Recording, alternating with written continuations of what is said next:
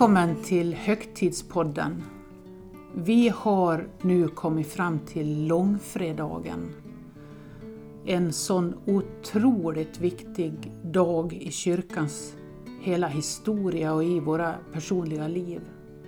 Och jag ska läsa en text ifrån Filipperbrevet och börja i den, Filipperbrevet 2, vers 6-8.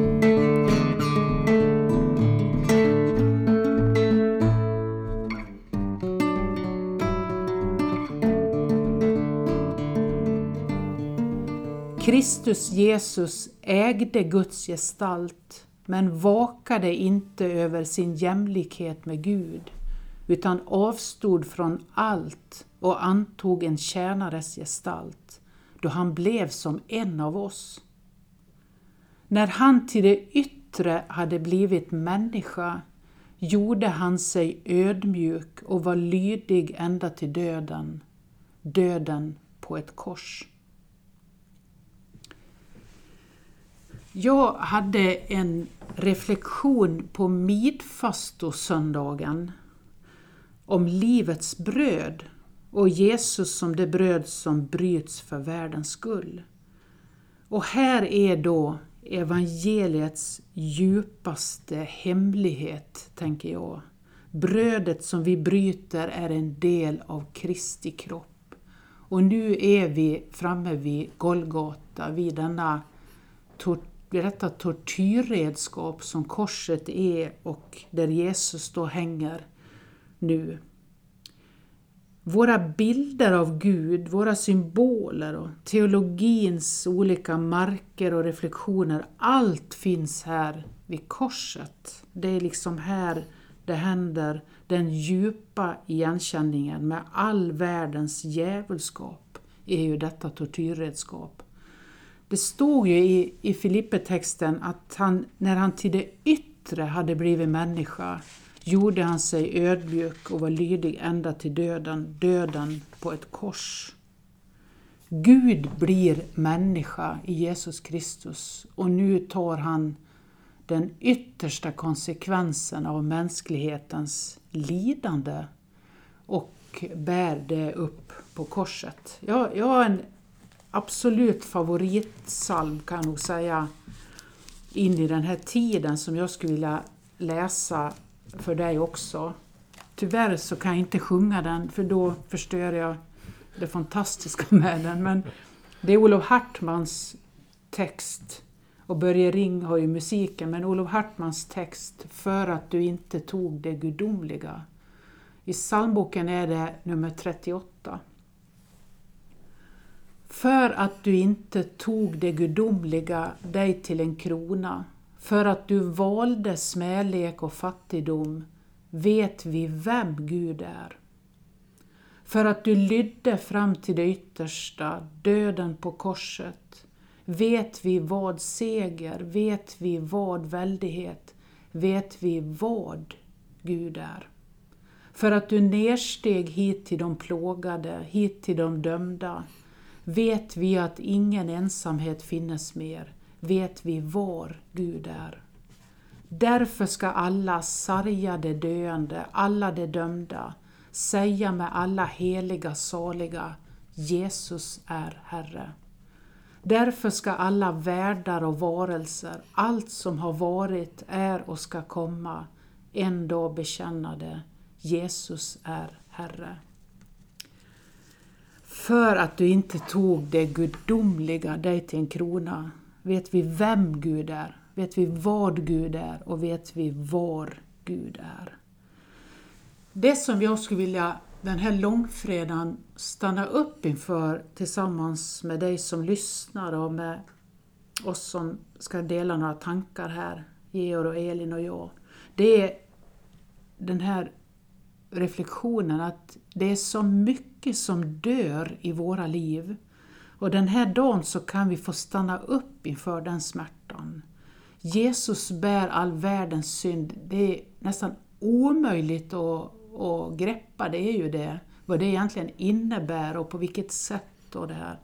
Men alla är vi ju med om sorger. Vi är med om det som jag lite slarvigt skulle säga dödar i våra liv. Att det, det är mycket som vi förlorar, ger upp, eh, blir fråntagna och till sist så blir vi fråntagna detta jordiska livet. Det är allas villkor. Men att stanna denna dag inför den smärtan i våra egna liv, det tror jag är viktigt att göra det någon gång och idag är en sån dag. Gud blev människa i Jesus Kristus och går hela den vägen. Och så är det fantastiskt att tänka på hur Jesus som Guds utsände möter och har mött människor hela vägen fram till korset. Han kommer alltid i ögonhöjd eller underifrån. Aldrig uppifrån. Det är ju oftast i, i samma nivå eller så böjer han sig ännu längre ner som kvinnan som ska stenas. Då går han ju ända ner i gruset och så står det ju i de där nyckelberättelserna i evangelierna om, om man vill tänka vem Gud är i Jesus Kristus som Olof Hartman skriver den här. Vet vi vem Gud är? Eh, om man vill tänka det så kan man ju till exempel fundera över att han alltid ser upp till människor. Eh, han ser upp på Sackaios som har klättrat upp i ett träd. Han ser upp på kvinnan som ska stenas. Det står sådana här nyckelmeningar i evangelierna. Jesus såg upp på henne och så. Kvinnan vid Sykars brunn. Det finns flera sådana bilder eh, och viktiga insikter. Och så kan man tänka i det att han aldrig ser ner på någon människa. Han ser aldrig ner på någon. Makt för honom är inte att komma uppifrån och styra och ställa utan det är att komma i ögonhöjd eller underifrån. Detta är enda tillfället när han är i en position på den höjden på Golgata. När vi i en gammal kör sjunger Se upp till hans kors och du ser hans triumf i den död som blev livet för dig. Och det är ju den djupaste förnedring. Han hänger där naken på ett kors i ett enormt lidande i ett tortyr, på ett tortyrredskap. Och då kan vi se upp på honom. Alltså det är någonting av vem Gud är som avslöjas där, där vi oftast lyfter makten och kung Jesus. Här kommer han som den lidande tjänaren som ger, sig, ger allt för oss. Eh, och det är någonting så starkt i den bilden tycker jag och i den eh, berättelsen att vi ser upp på honom där. Och då tänker jag att vi, när vi ser upp där på korset så har vi ju med oss idag världens svält och fattigdom, skapelsens vånda i klimathotet, isarna som smälter, Golfströmmen, hur vi själva ska hantera allt det. Allt som i en rasande tempo går åt fel håll. Och eh, grannen som kanske misshandlas, konstiga ljud från grannen. Den som går i sorgens landskap har nyss eh, haft en förlust, har förlorat en älskad människa. Står vid det korset idag. Allt dör den här dagen. Utom kärleken och omsorgen i det dramat i påsken. Och det är ju något fascinerande som också finns i berättelserna runt korset. Där står Jesu mor Maria som förlorar sin son och du vet, hon har ju fått den där hälsningen genom ditt egen, din egen själ ska det gå ett svärd när de bär fram åtta dagar, sitt åtta dagar gamla barn i templet så säger ju Simon genom ditt, e-, din egen själ ska det gå ett svärd. Och nu står hon där och det går rätt igenom hennes varelse säkert, rent alltså smärtmässigt, att här hänger hennes son som, som var godheten själv. Liksom. Eh, och så står Johannes där, som har blivit omtalad som den lärjunge som Jesus älskade. Alltså den som innerligt lutar sig mot hans bröst när de, när de eh, firar den här sista måltiden som vi har varit i på skärtorsdagen påmint oss om innan Getsemane. Han och Maria står vid korset. Och då i detta lidande så finns kärleken och omsorgen hela vägen. När Jesus säger, där är din mor, där är din son. Och så blir de liksom ett hemma hos varann. Att de, de liksom får ta hand om varann, både i sorgens landskap och vidare i livet. Att, att det finns kärlek och omsorg hela vägen. Och att det också är en påminnelse till oss i våra långfredagar. Att relationerna är det viktigaste. Att alltid vilja älska och att våga älska igen. Eh, och att visa omsorg om den som sörjer, lider och också få ta emot omsorg av andra. Eh, att ge och att ta emot är alltid där. Där är din son, där är din mor, är ju, är ju Jesu ord till dem där. Och så finns ju den stora, som är ju mysteriet som vi påminns om nu, för att det är ju också så fascinerande hos oss att påsken kommer samtidigt som våren, ungefär. Sen blir det lite bakslag, men det är ju när livet börjar sjuda liksom, i naturen, i våra breddgrader, så kommer påskens berättelse. Och då är det ju vetekornets lag också som, som ligger här att vetekornet faller i jorden och dör för att bära rik frukt. Och att Jesus dör på korset är ju den stora berättelsen, döden och uppståndelsen i, i kyrkan och i vår egen personliga tro. Eh, och någonstans så har vi planterat ett frö kanske. Vi kanske satt ner tulpanlökar i höstas och så plötsligt så börjar det spira samtidigt som vi har påskberättelserna. Och det är någonting vackert i det, att påminna sig om det. Så vi får också stanna där med våra förluster i, på, vid korset där Jesus dör med all världens lidande då och nu och i all evighet. Alltså att vi, vi kommer ju genom mänskligheten att gå igenom många lidanden och vi är en liten del på denna jorden, en liten tid som är vår. Och då har vi vårt som vi får kämpa med. Och det finns alltid ett kors där man kan stå med all den smärtan och veta att någon delar den med mig. När saker och personer och händelser dör i mitt liv så är det någon som delar det. Sen skulle jag vilja berätta om en sån där upplevelse jag hade när jag, jag gjorde en lång retreat på St. Bainos retreatcenter i Wales för ganska många år sedan. En 30 dagars retreat som är en speciell, man går igenom ett speciellt ja, en speciell resa. Man ber igenom sitt liv och går parallellt med Jesu liv och evangelierna kan man säga kortfattat. Något som heter Ignatius andliga övningar. Eh, och då kommer man ju i den till påsken. Och det kan ju vara vilken årstid som helst, det här var i augusti. Men vi, vi liksom efter typ 25 dagar så är man ju i påskens drama, när man ber igenom Jesu liv och följer det som vi gör i högtidspodden genom mm. olika söndagar, så är man plötsligt där. Och så går jag till min vägledare på långfredagen, som man samtalar med varje dag och får olika texter. Och, och då har man varit så länge i den tystnaden och processen så man är verkligen i sina sorger. Liksom. Det är en tung, väldigt tung dag, eh, långfredagen också då i, i retriten, för att man, man, man liksom har följt den så tydligt. Och så säger han, när vårt samtal är slut, långfredag, vi träffas ju varje dag, eh, då säger han, imorgon är det ju ingen vägledning, så det är lite självklart. Nej, säger jag, varför då? Nej men Jesus är ju död. Du har ju själv varit med vid korset. Vad ska vi prata om? Det är ju över. Och det var ju för mig en sån där, aha, jätteomtumlande upplevelse. För att någonstans på påskafton, det är ju den stora liksom, sorgedagen för alla lärjungarna och de närmaste så här att de tar ner Jesu kropp, den här fantastiska bilden av Pieta när Jesus mm. ligger död i Marias armar.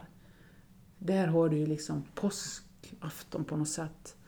Sen långfredagsnatt och påskafton. Så att han sa, det, det är ju det är över. Gör vad du vill.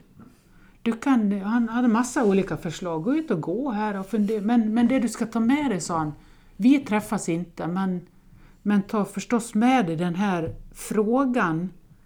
Vad skulle vara annorlunda i ditt liv om Jesus bara var död? Är det någonting som blir annorlunda?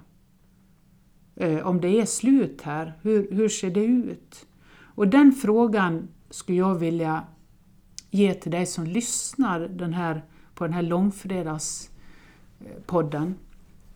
Nu långfredagen 2021 med allt vad världen rymmer just nu och med dina personliga förluster. Vad skulle vara annorlunda i ditt liv om detta var slutet för kyrkan och för din personliga tro? Om Jesus bara dog? Det är ett sorgens landskap i fastans vardag och fram i påskens berättelse än så länge. Vad vore annorlunda om Jesus var död? Finns det någonting i din vardag som du skulle förändra? Och hur skulle världen se ut? Är det någon skillnad? Så tänker jag idag om långfredagen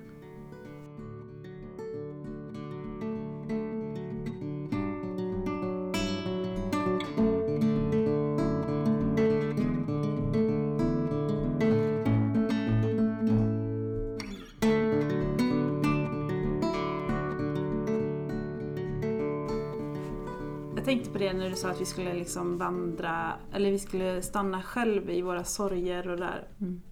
Och jag kan se det framför mig lite som att lyfta på ett lock. Eh, varför är det så lätt att strunta i att lyfta på det här locket? För att man kan ju också enkelt få den här känslan av att man hamnar i det här vakuumet som påskafton blir då på något mm. sätt. Liksom. Att man blir kvar där. Det är lättare att bara gå förbi och så är vi i glädjen sen istället. Jag tror det, det vi, vi kanske inte riktigt litar på att vi har verktygen att hantera det. Mm. Att vi har så mycket mer i vårt liv än vad vi kanske tror när livet bara snurrar på. För, för den som är kanske i ett stort sorgarbete när påsken kommer och långfredagen har inget val. Eh, man är där mm. Eh, och man kanske bara får förhoppningsvis lite tröst av att påminna sig om att att det kanske är fler som går där också. Eh, och att jag får lite sällskap av att någon sätter ord på det. Men, men jag, jag tror att vi, vi i, i, det, i livet när det ser ut som det rullar på, eh, för, för det kan ju snabbt förändras, men när det liksom är lite som vanligt så, så vill man liksom inte gräva i det där eller man tänker att nej, det där... Eh, och på något sätt tror jag att att våga fånga in det är att bli delaktig i andra människors sorger. Att vi tillsammans går in i påsken, att vi står vid korset ihop. Liksom. Även om inte vi möts nu så mycket, så är vi tillsammans i en sorg över sakernas tillstånd och över det vi personligen sörjer och det vi oroas över och vet att fler står där också. Alla har liksom inte sprungit vidare. En, en sån bild jag nästan alltid har med mig in i långfredagen också, det är eh, när Jesus red in i Jerusalem på åsnan. Eh, då, då la ju folk mantlarna på vägen. Och så red den där åsnan över dem. Mantlar och palmblad och allt vad det var. Och rev säkert lite sönder, dynga och elände i den där manteln.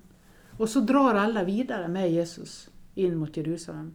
Och det tror jag det är ett avgörande ögonblick att jag kan välja att plocka upp, kanske hade en ny mantel som jag offrade och nu är den full av dynga liksom. Och är trasig. Och att jag ändå tar den. Och att den ska hjälpa mig när jag står vid korset. Att jag sveper all den smutsen och, och det som är att vara människa runt mig och värmer mig ändå. Och, och liksom när alla ropar korsfäst så kanske någonting i mig säger Hosianna, Davids son, välsignad vare du som kom i Herrens namn. Så de sjunger på vägen där. För att jag liksom anar att han har ridit fram över mitt liv. Mm. och jag har hyllat honom och jag fortsätter hela vägen. Liksom. Så också det att, att livet består av så mycket trasigt. Att någon gång behöver vi hjälp och, och få stanna i det för att dela det med fler, tänker jag. Jag tänker lite grann på korset som symbol mm. och så. Jag, nu, nu plockar upp ur min ficka ett litet kors som jag har Ja. under fastan. Det är väldigt gulligt och lite fint och det, det är liksom mjukt och... Men jag liksom ändå sugs in i berättelsen och då, jag, jag ser den här bilden med när mamma, alltså Maria som mor, Ja. liksom, det, är det är för, det är så gräsligt. Så, så Ja. någonstans går det lite grann på tvärs nu liksom, känner jag det här mjuka, fina och... Jag vet inte. Hur ser du på korset liksom som... eh, Jag tänker om man, hade han...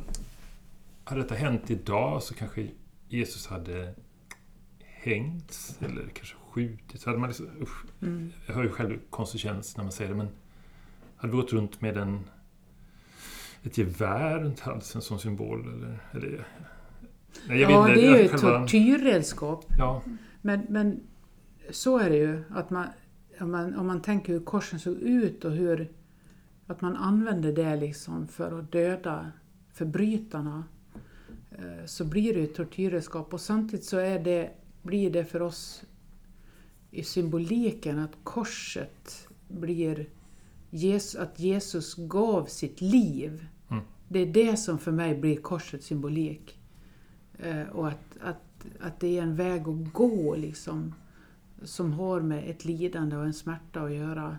Och att det också är så ibland i våra liv, att det blir den symboliken. Men just som ett avrättningsredskap så är det ju... Det, det blir ju korset blir ju kyrkans eh, symbolik för Jesu död och uppståndelse. Jag, jag börjar teckna ett kors till och med Mm. nu i Ja. luften när jag sitter här. Att det är någonting med att, att också när man tecknar det korset över sitt liv. Jag tycker så mycket om det, det har inte jag alltid gjort men nu har jag börjat det mer och mer. Att man liksom tecknar korset först från himlen ner och sen liksom vågrätt över hjärtat. Alltså att, att jag på något sätt är del av världens bortvändhet och också att korset är mitt skydd. Liksom. Att Jesus tog den, det lidandet. Men, men det är klart, det, det är en, en väldigt stark bild. Det finns ju en, en del, har ju de här korsen med, med uppståndelsekorset heter det. Där eh, Jesusfiguren är, är borta. Mm. För att han har redan vunnit den segern. Det är ju också en symbolik. Medan det är många kyrkor är, är Jesus hängande på korset. hur ser det ut med att man, man anar att Man ser varit... liksom bara eh, vad ska jag säga, konturerna av en kropp. Aha, Men det, det är kan du se på dödsannonser och sånt där. Ja. det är just ganska vanligt. Det har jag ibland tänkt, när du Mm. säger det, att det är ju... Det, det tycker jag är lite sorgligt. Det är väldigt många dödsannonser idag som har helt andra symboler. Mm.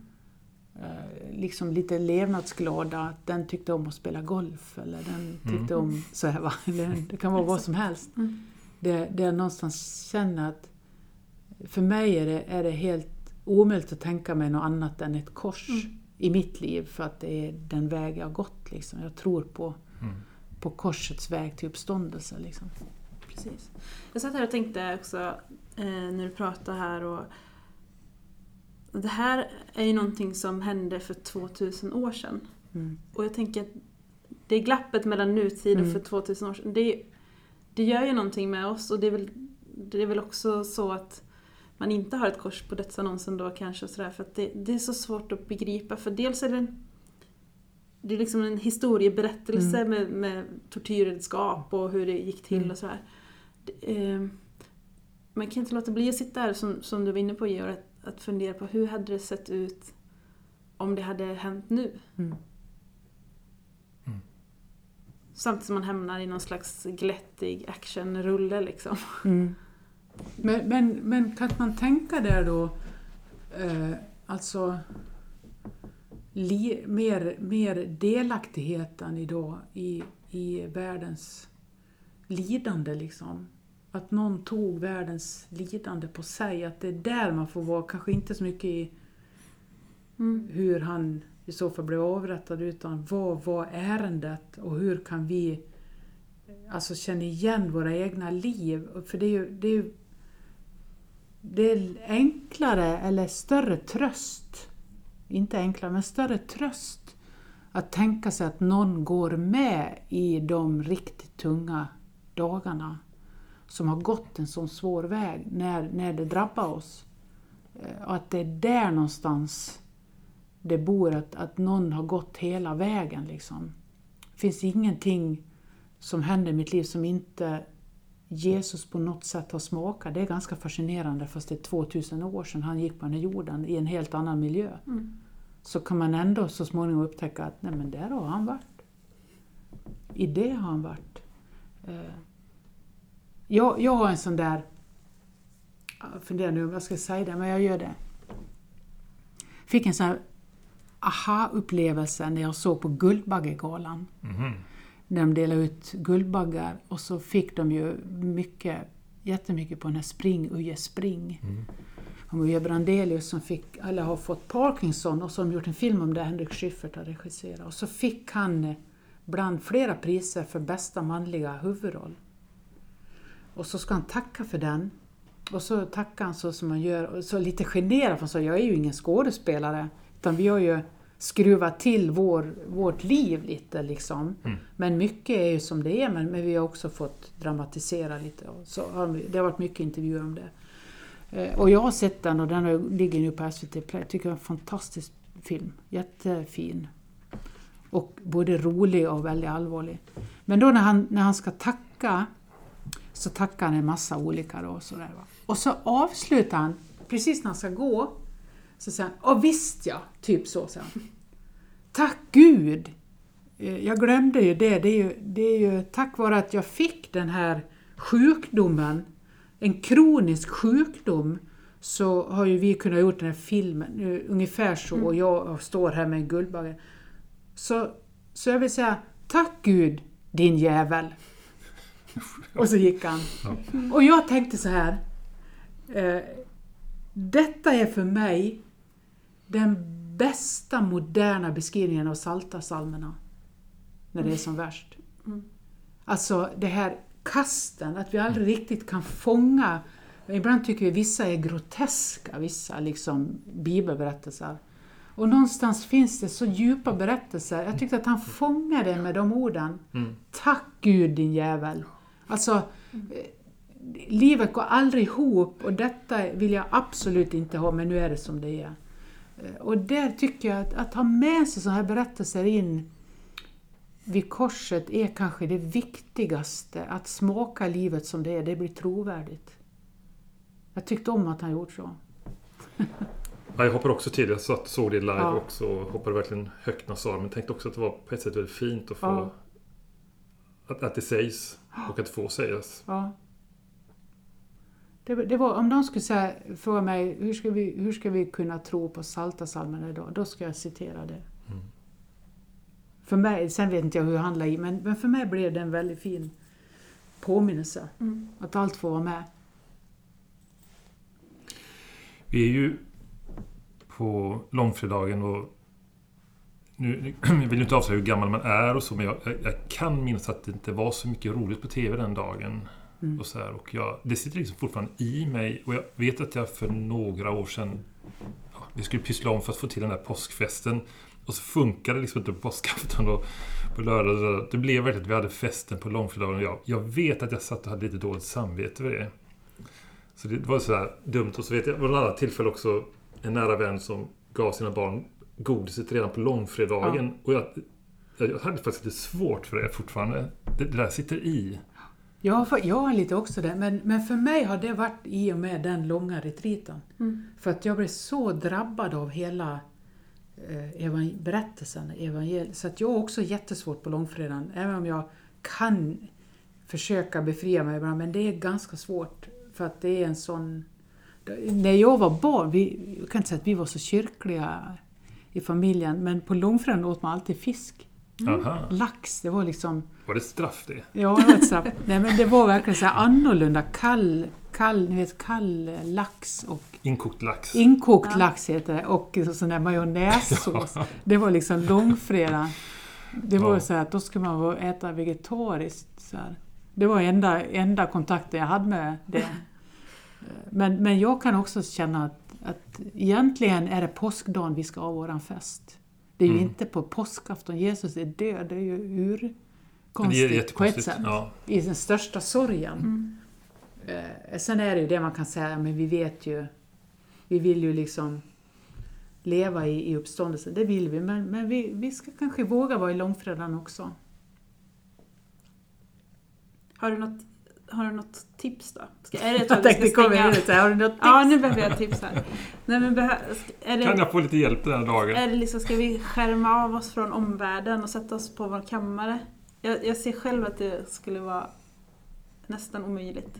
Nej, jag tror att vi, vi ska leva livet så som det är. Och, eh, så, men men, jag, men jag, jag tycker att det är värt att ta sig någon tid under både eh, Getsema, alltså skärtorsdagen, långfredagen och reflektera över kanske en sån fråga. Vad, vad gör det för skillnad i mitt liv om Jesus är död och det är över eller om, om han finns, vad, vad blir det för skillnad för mig?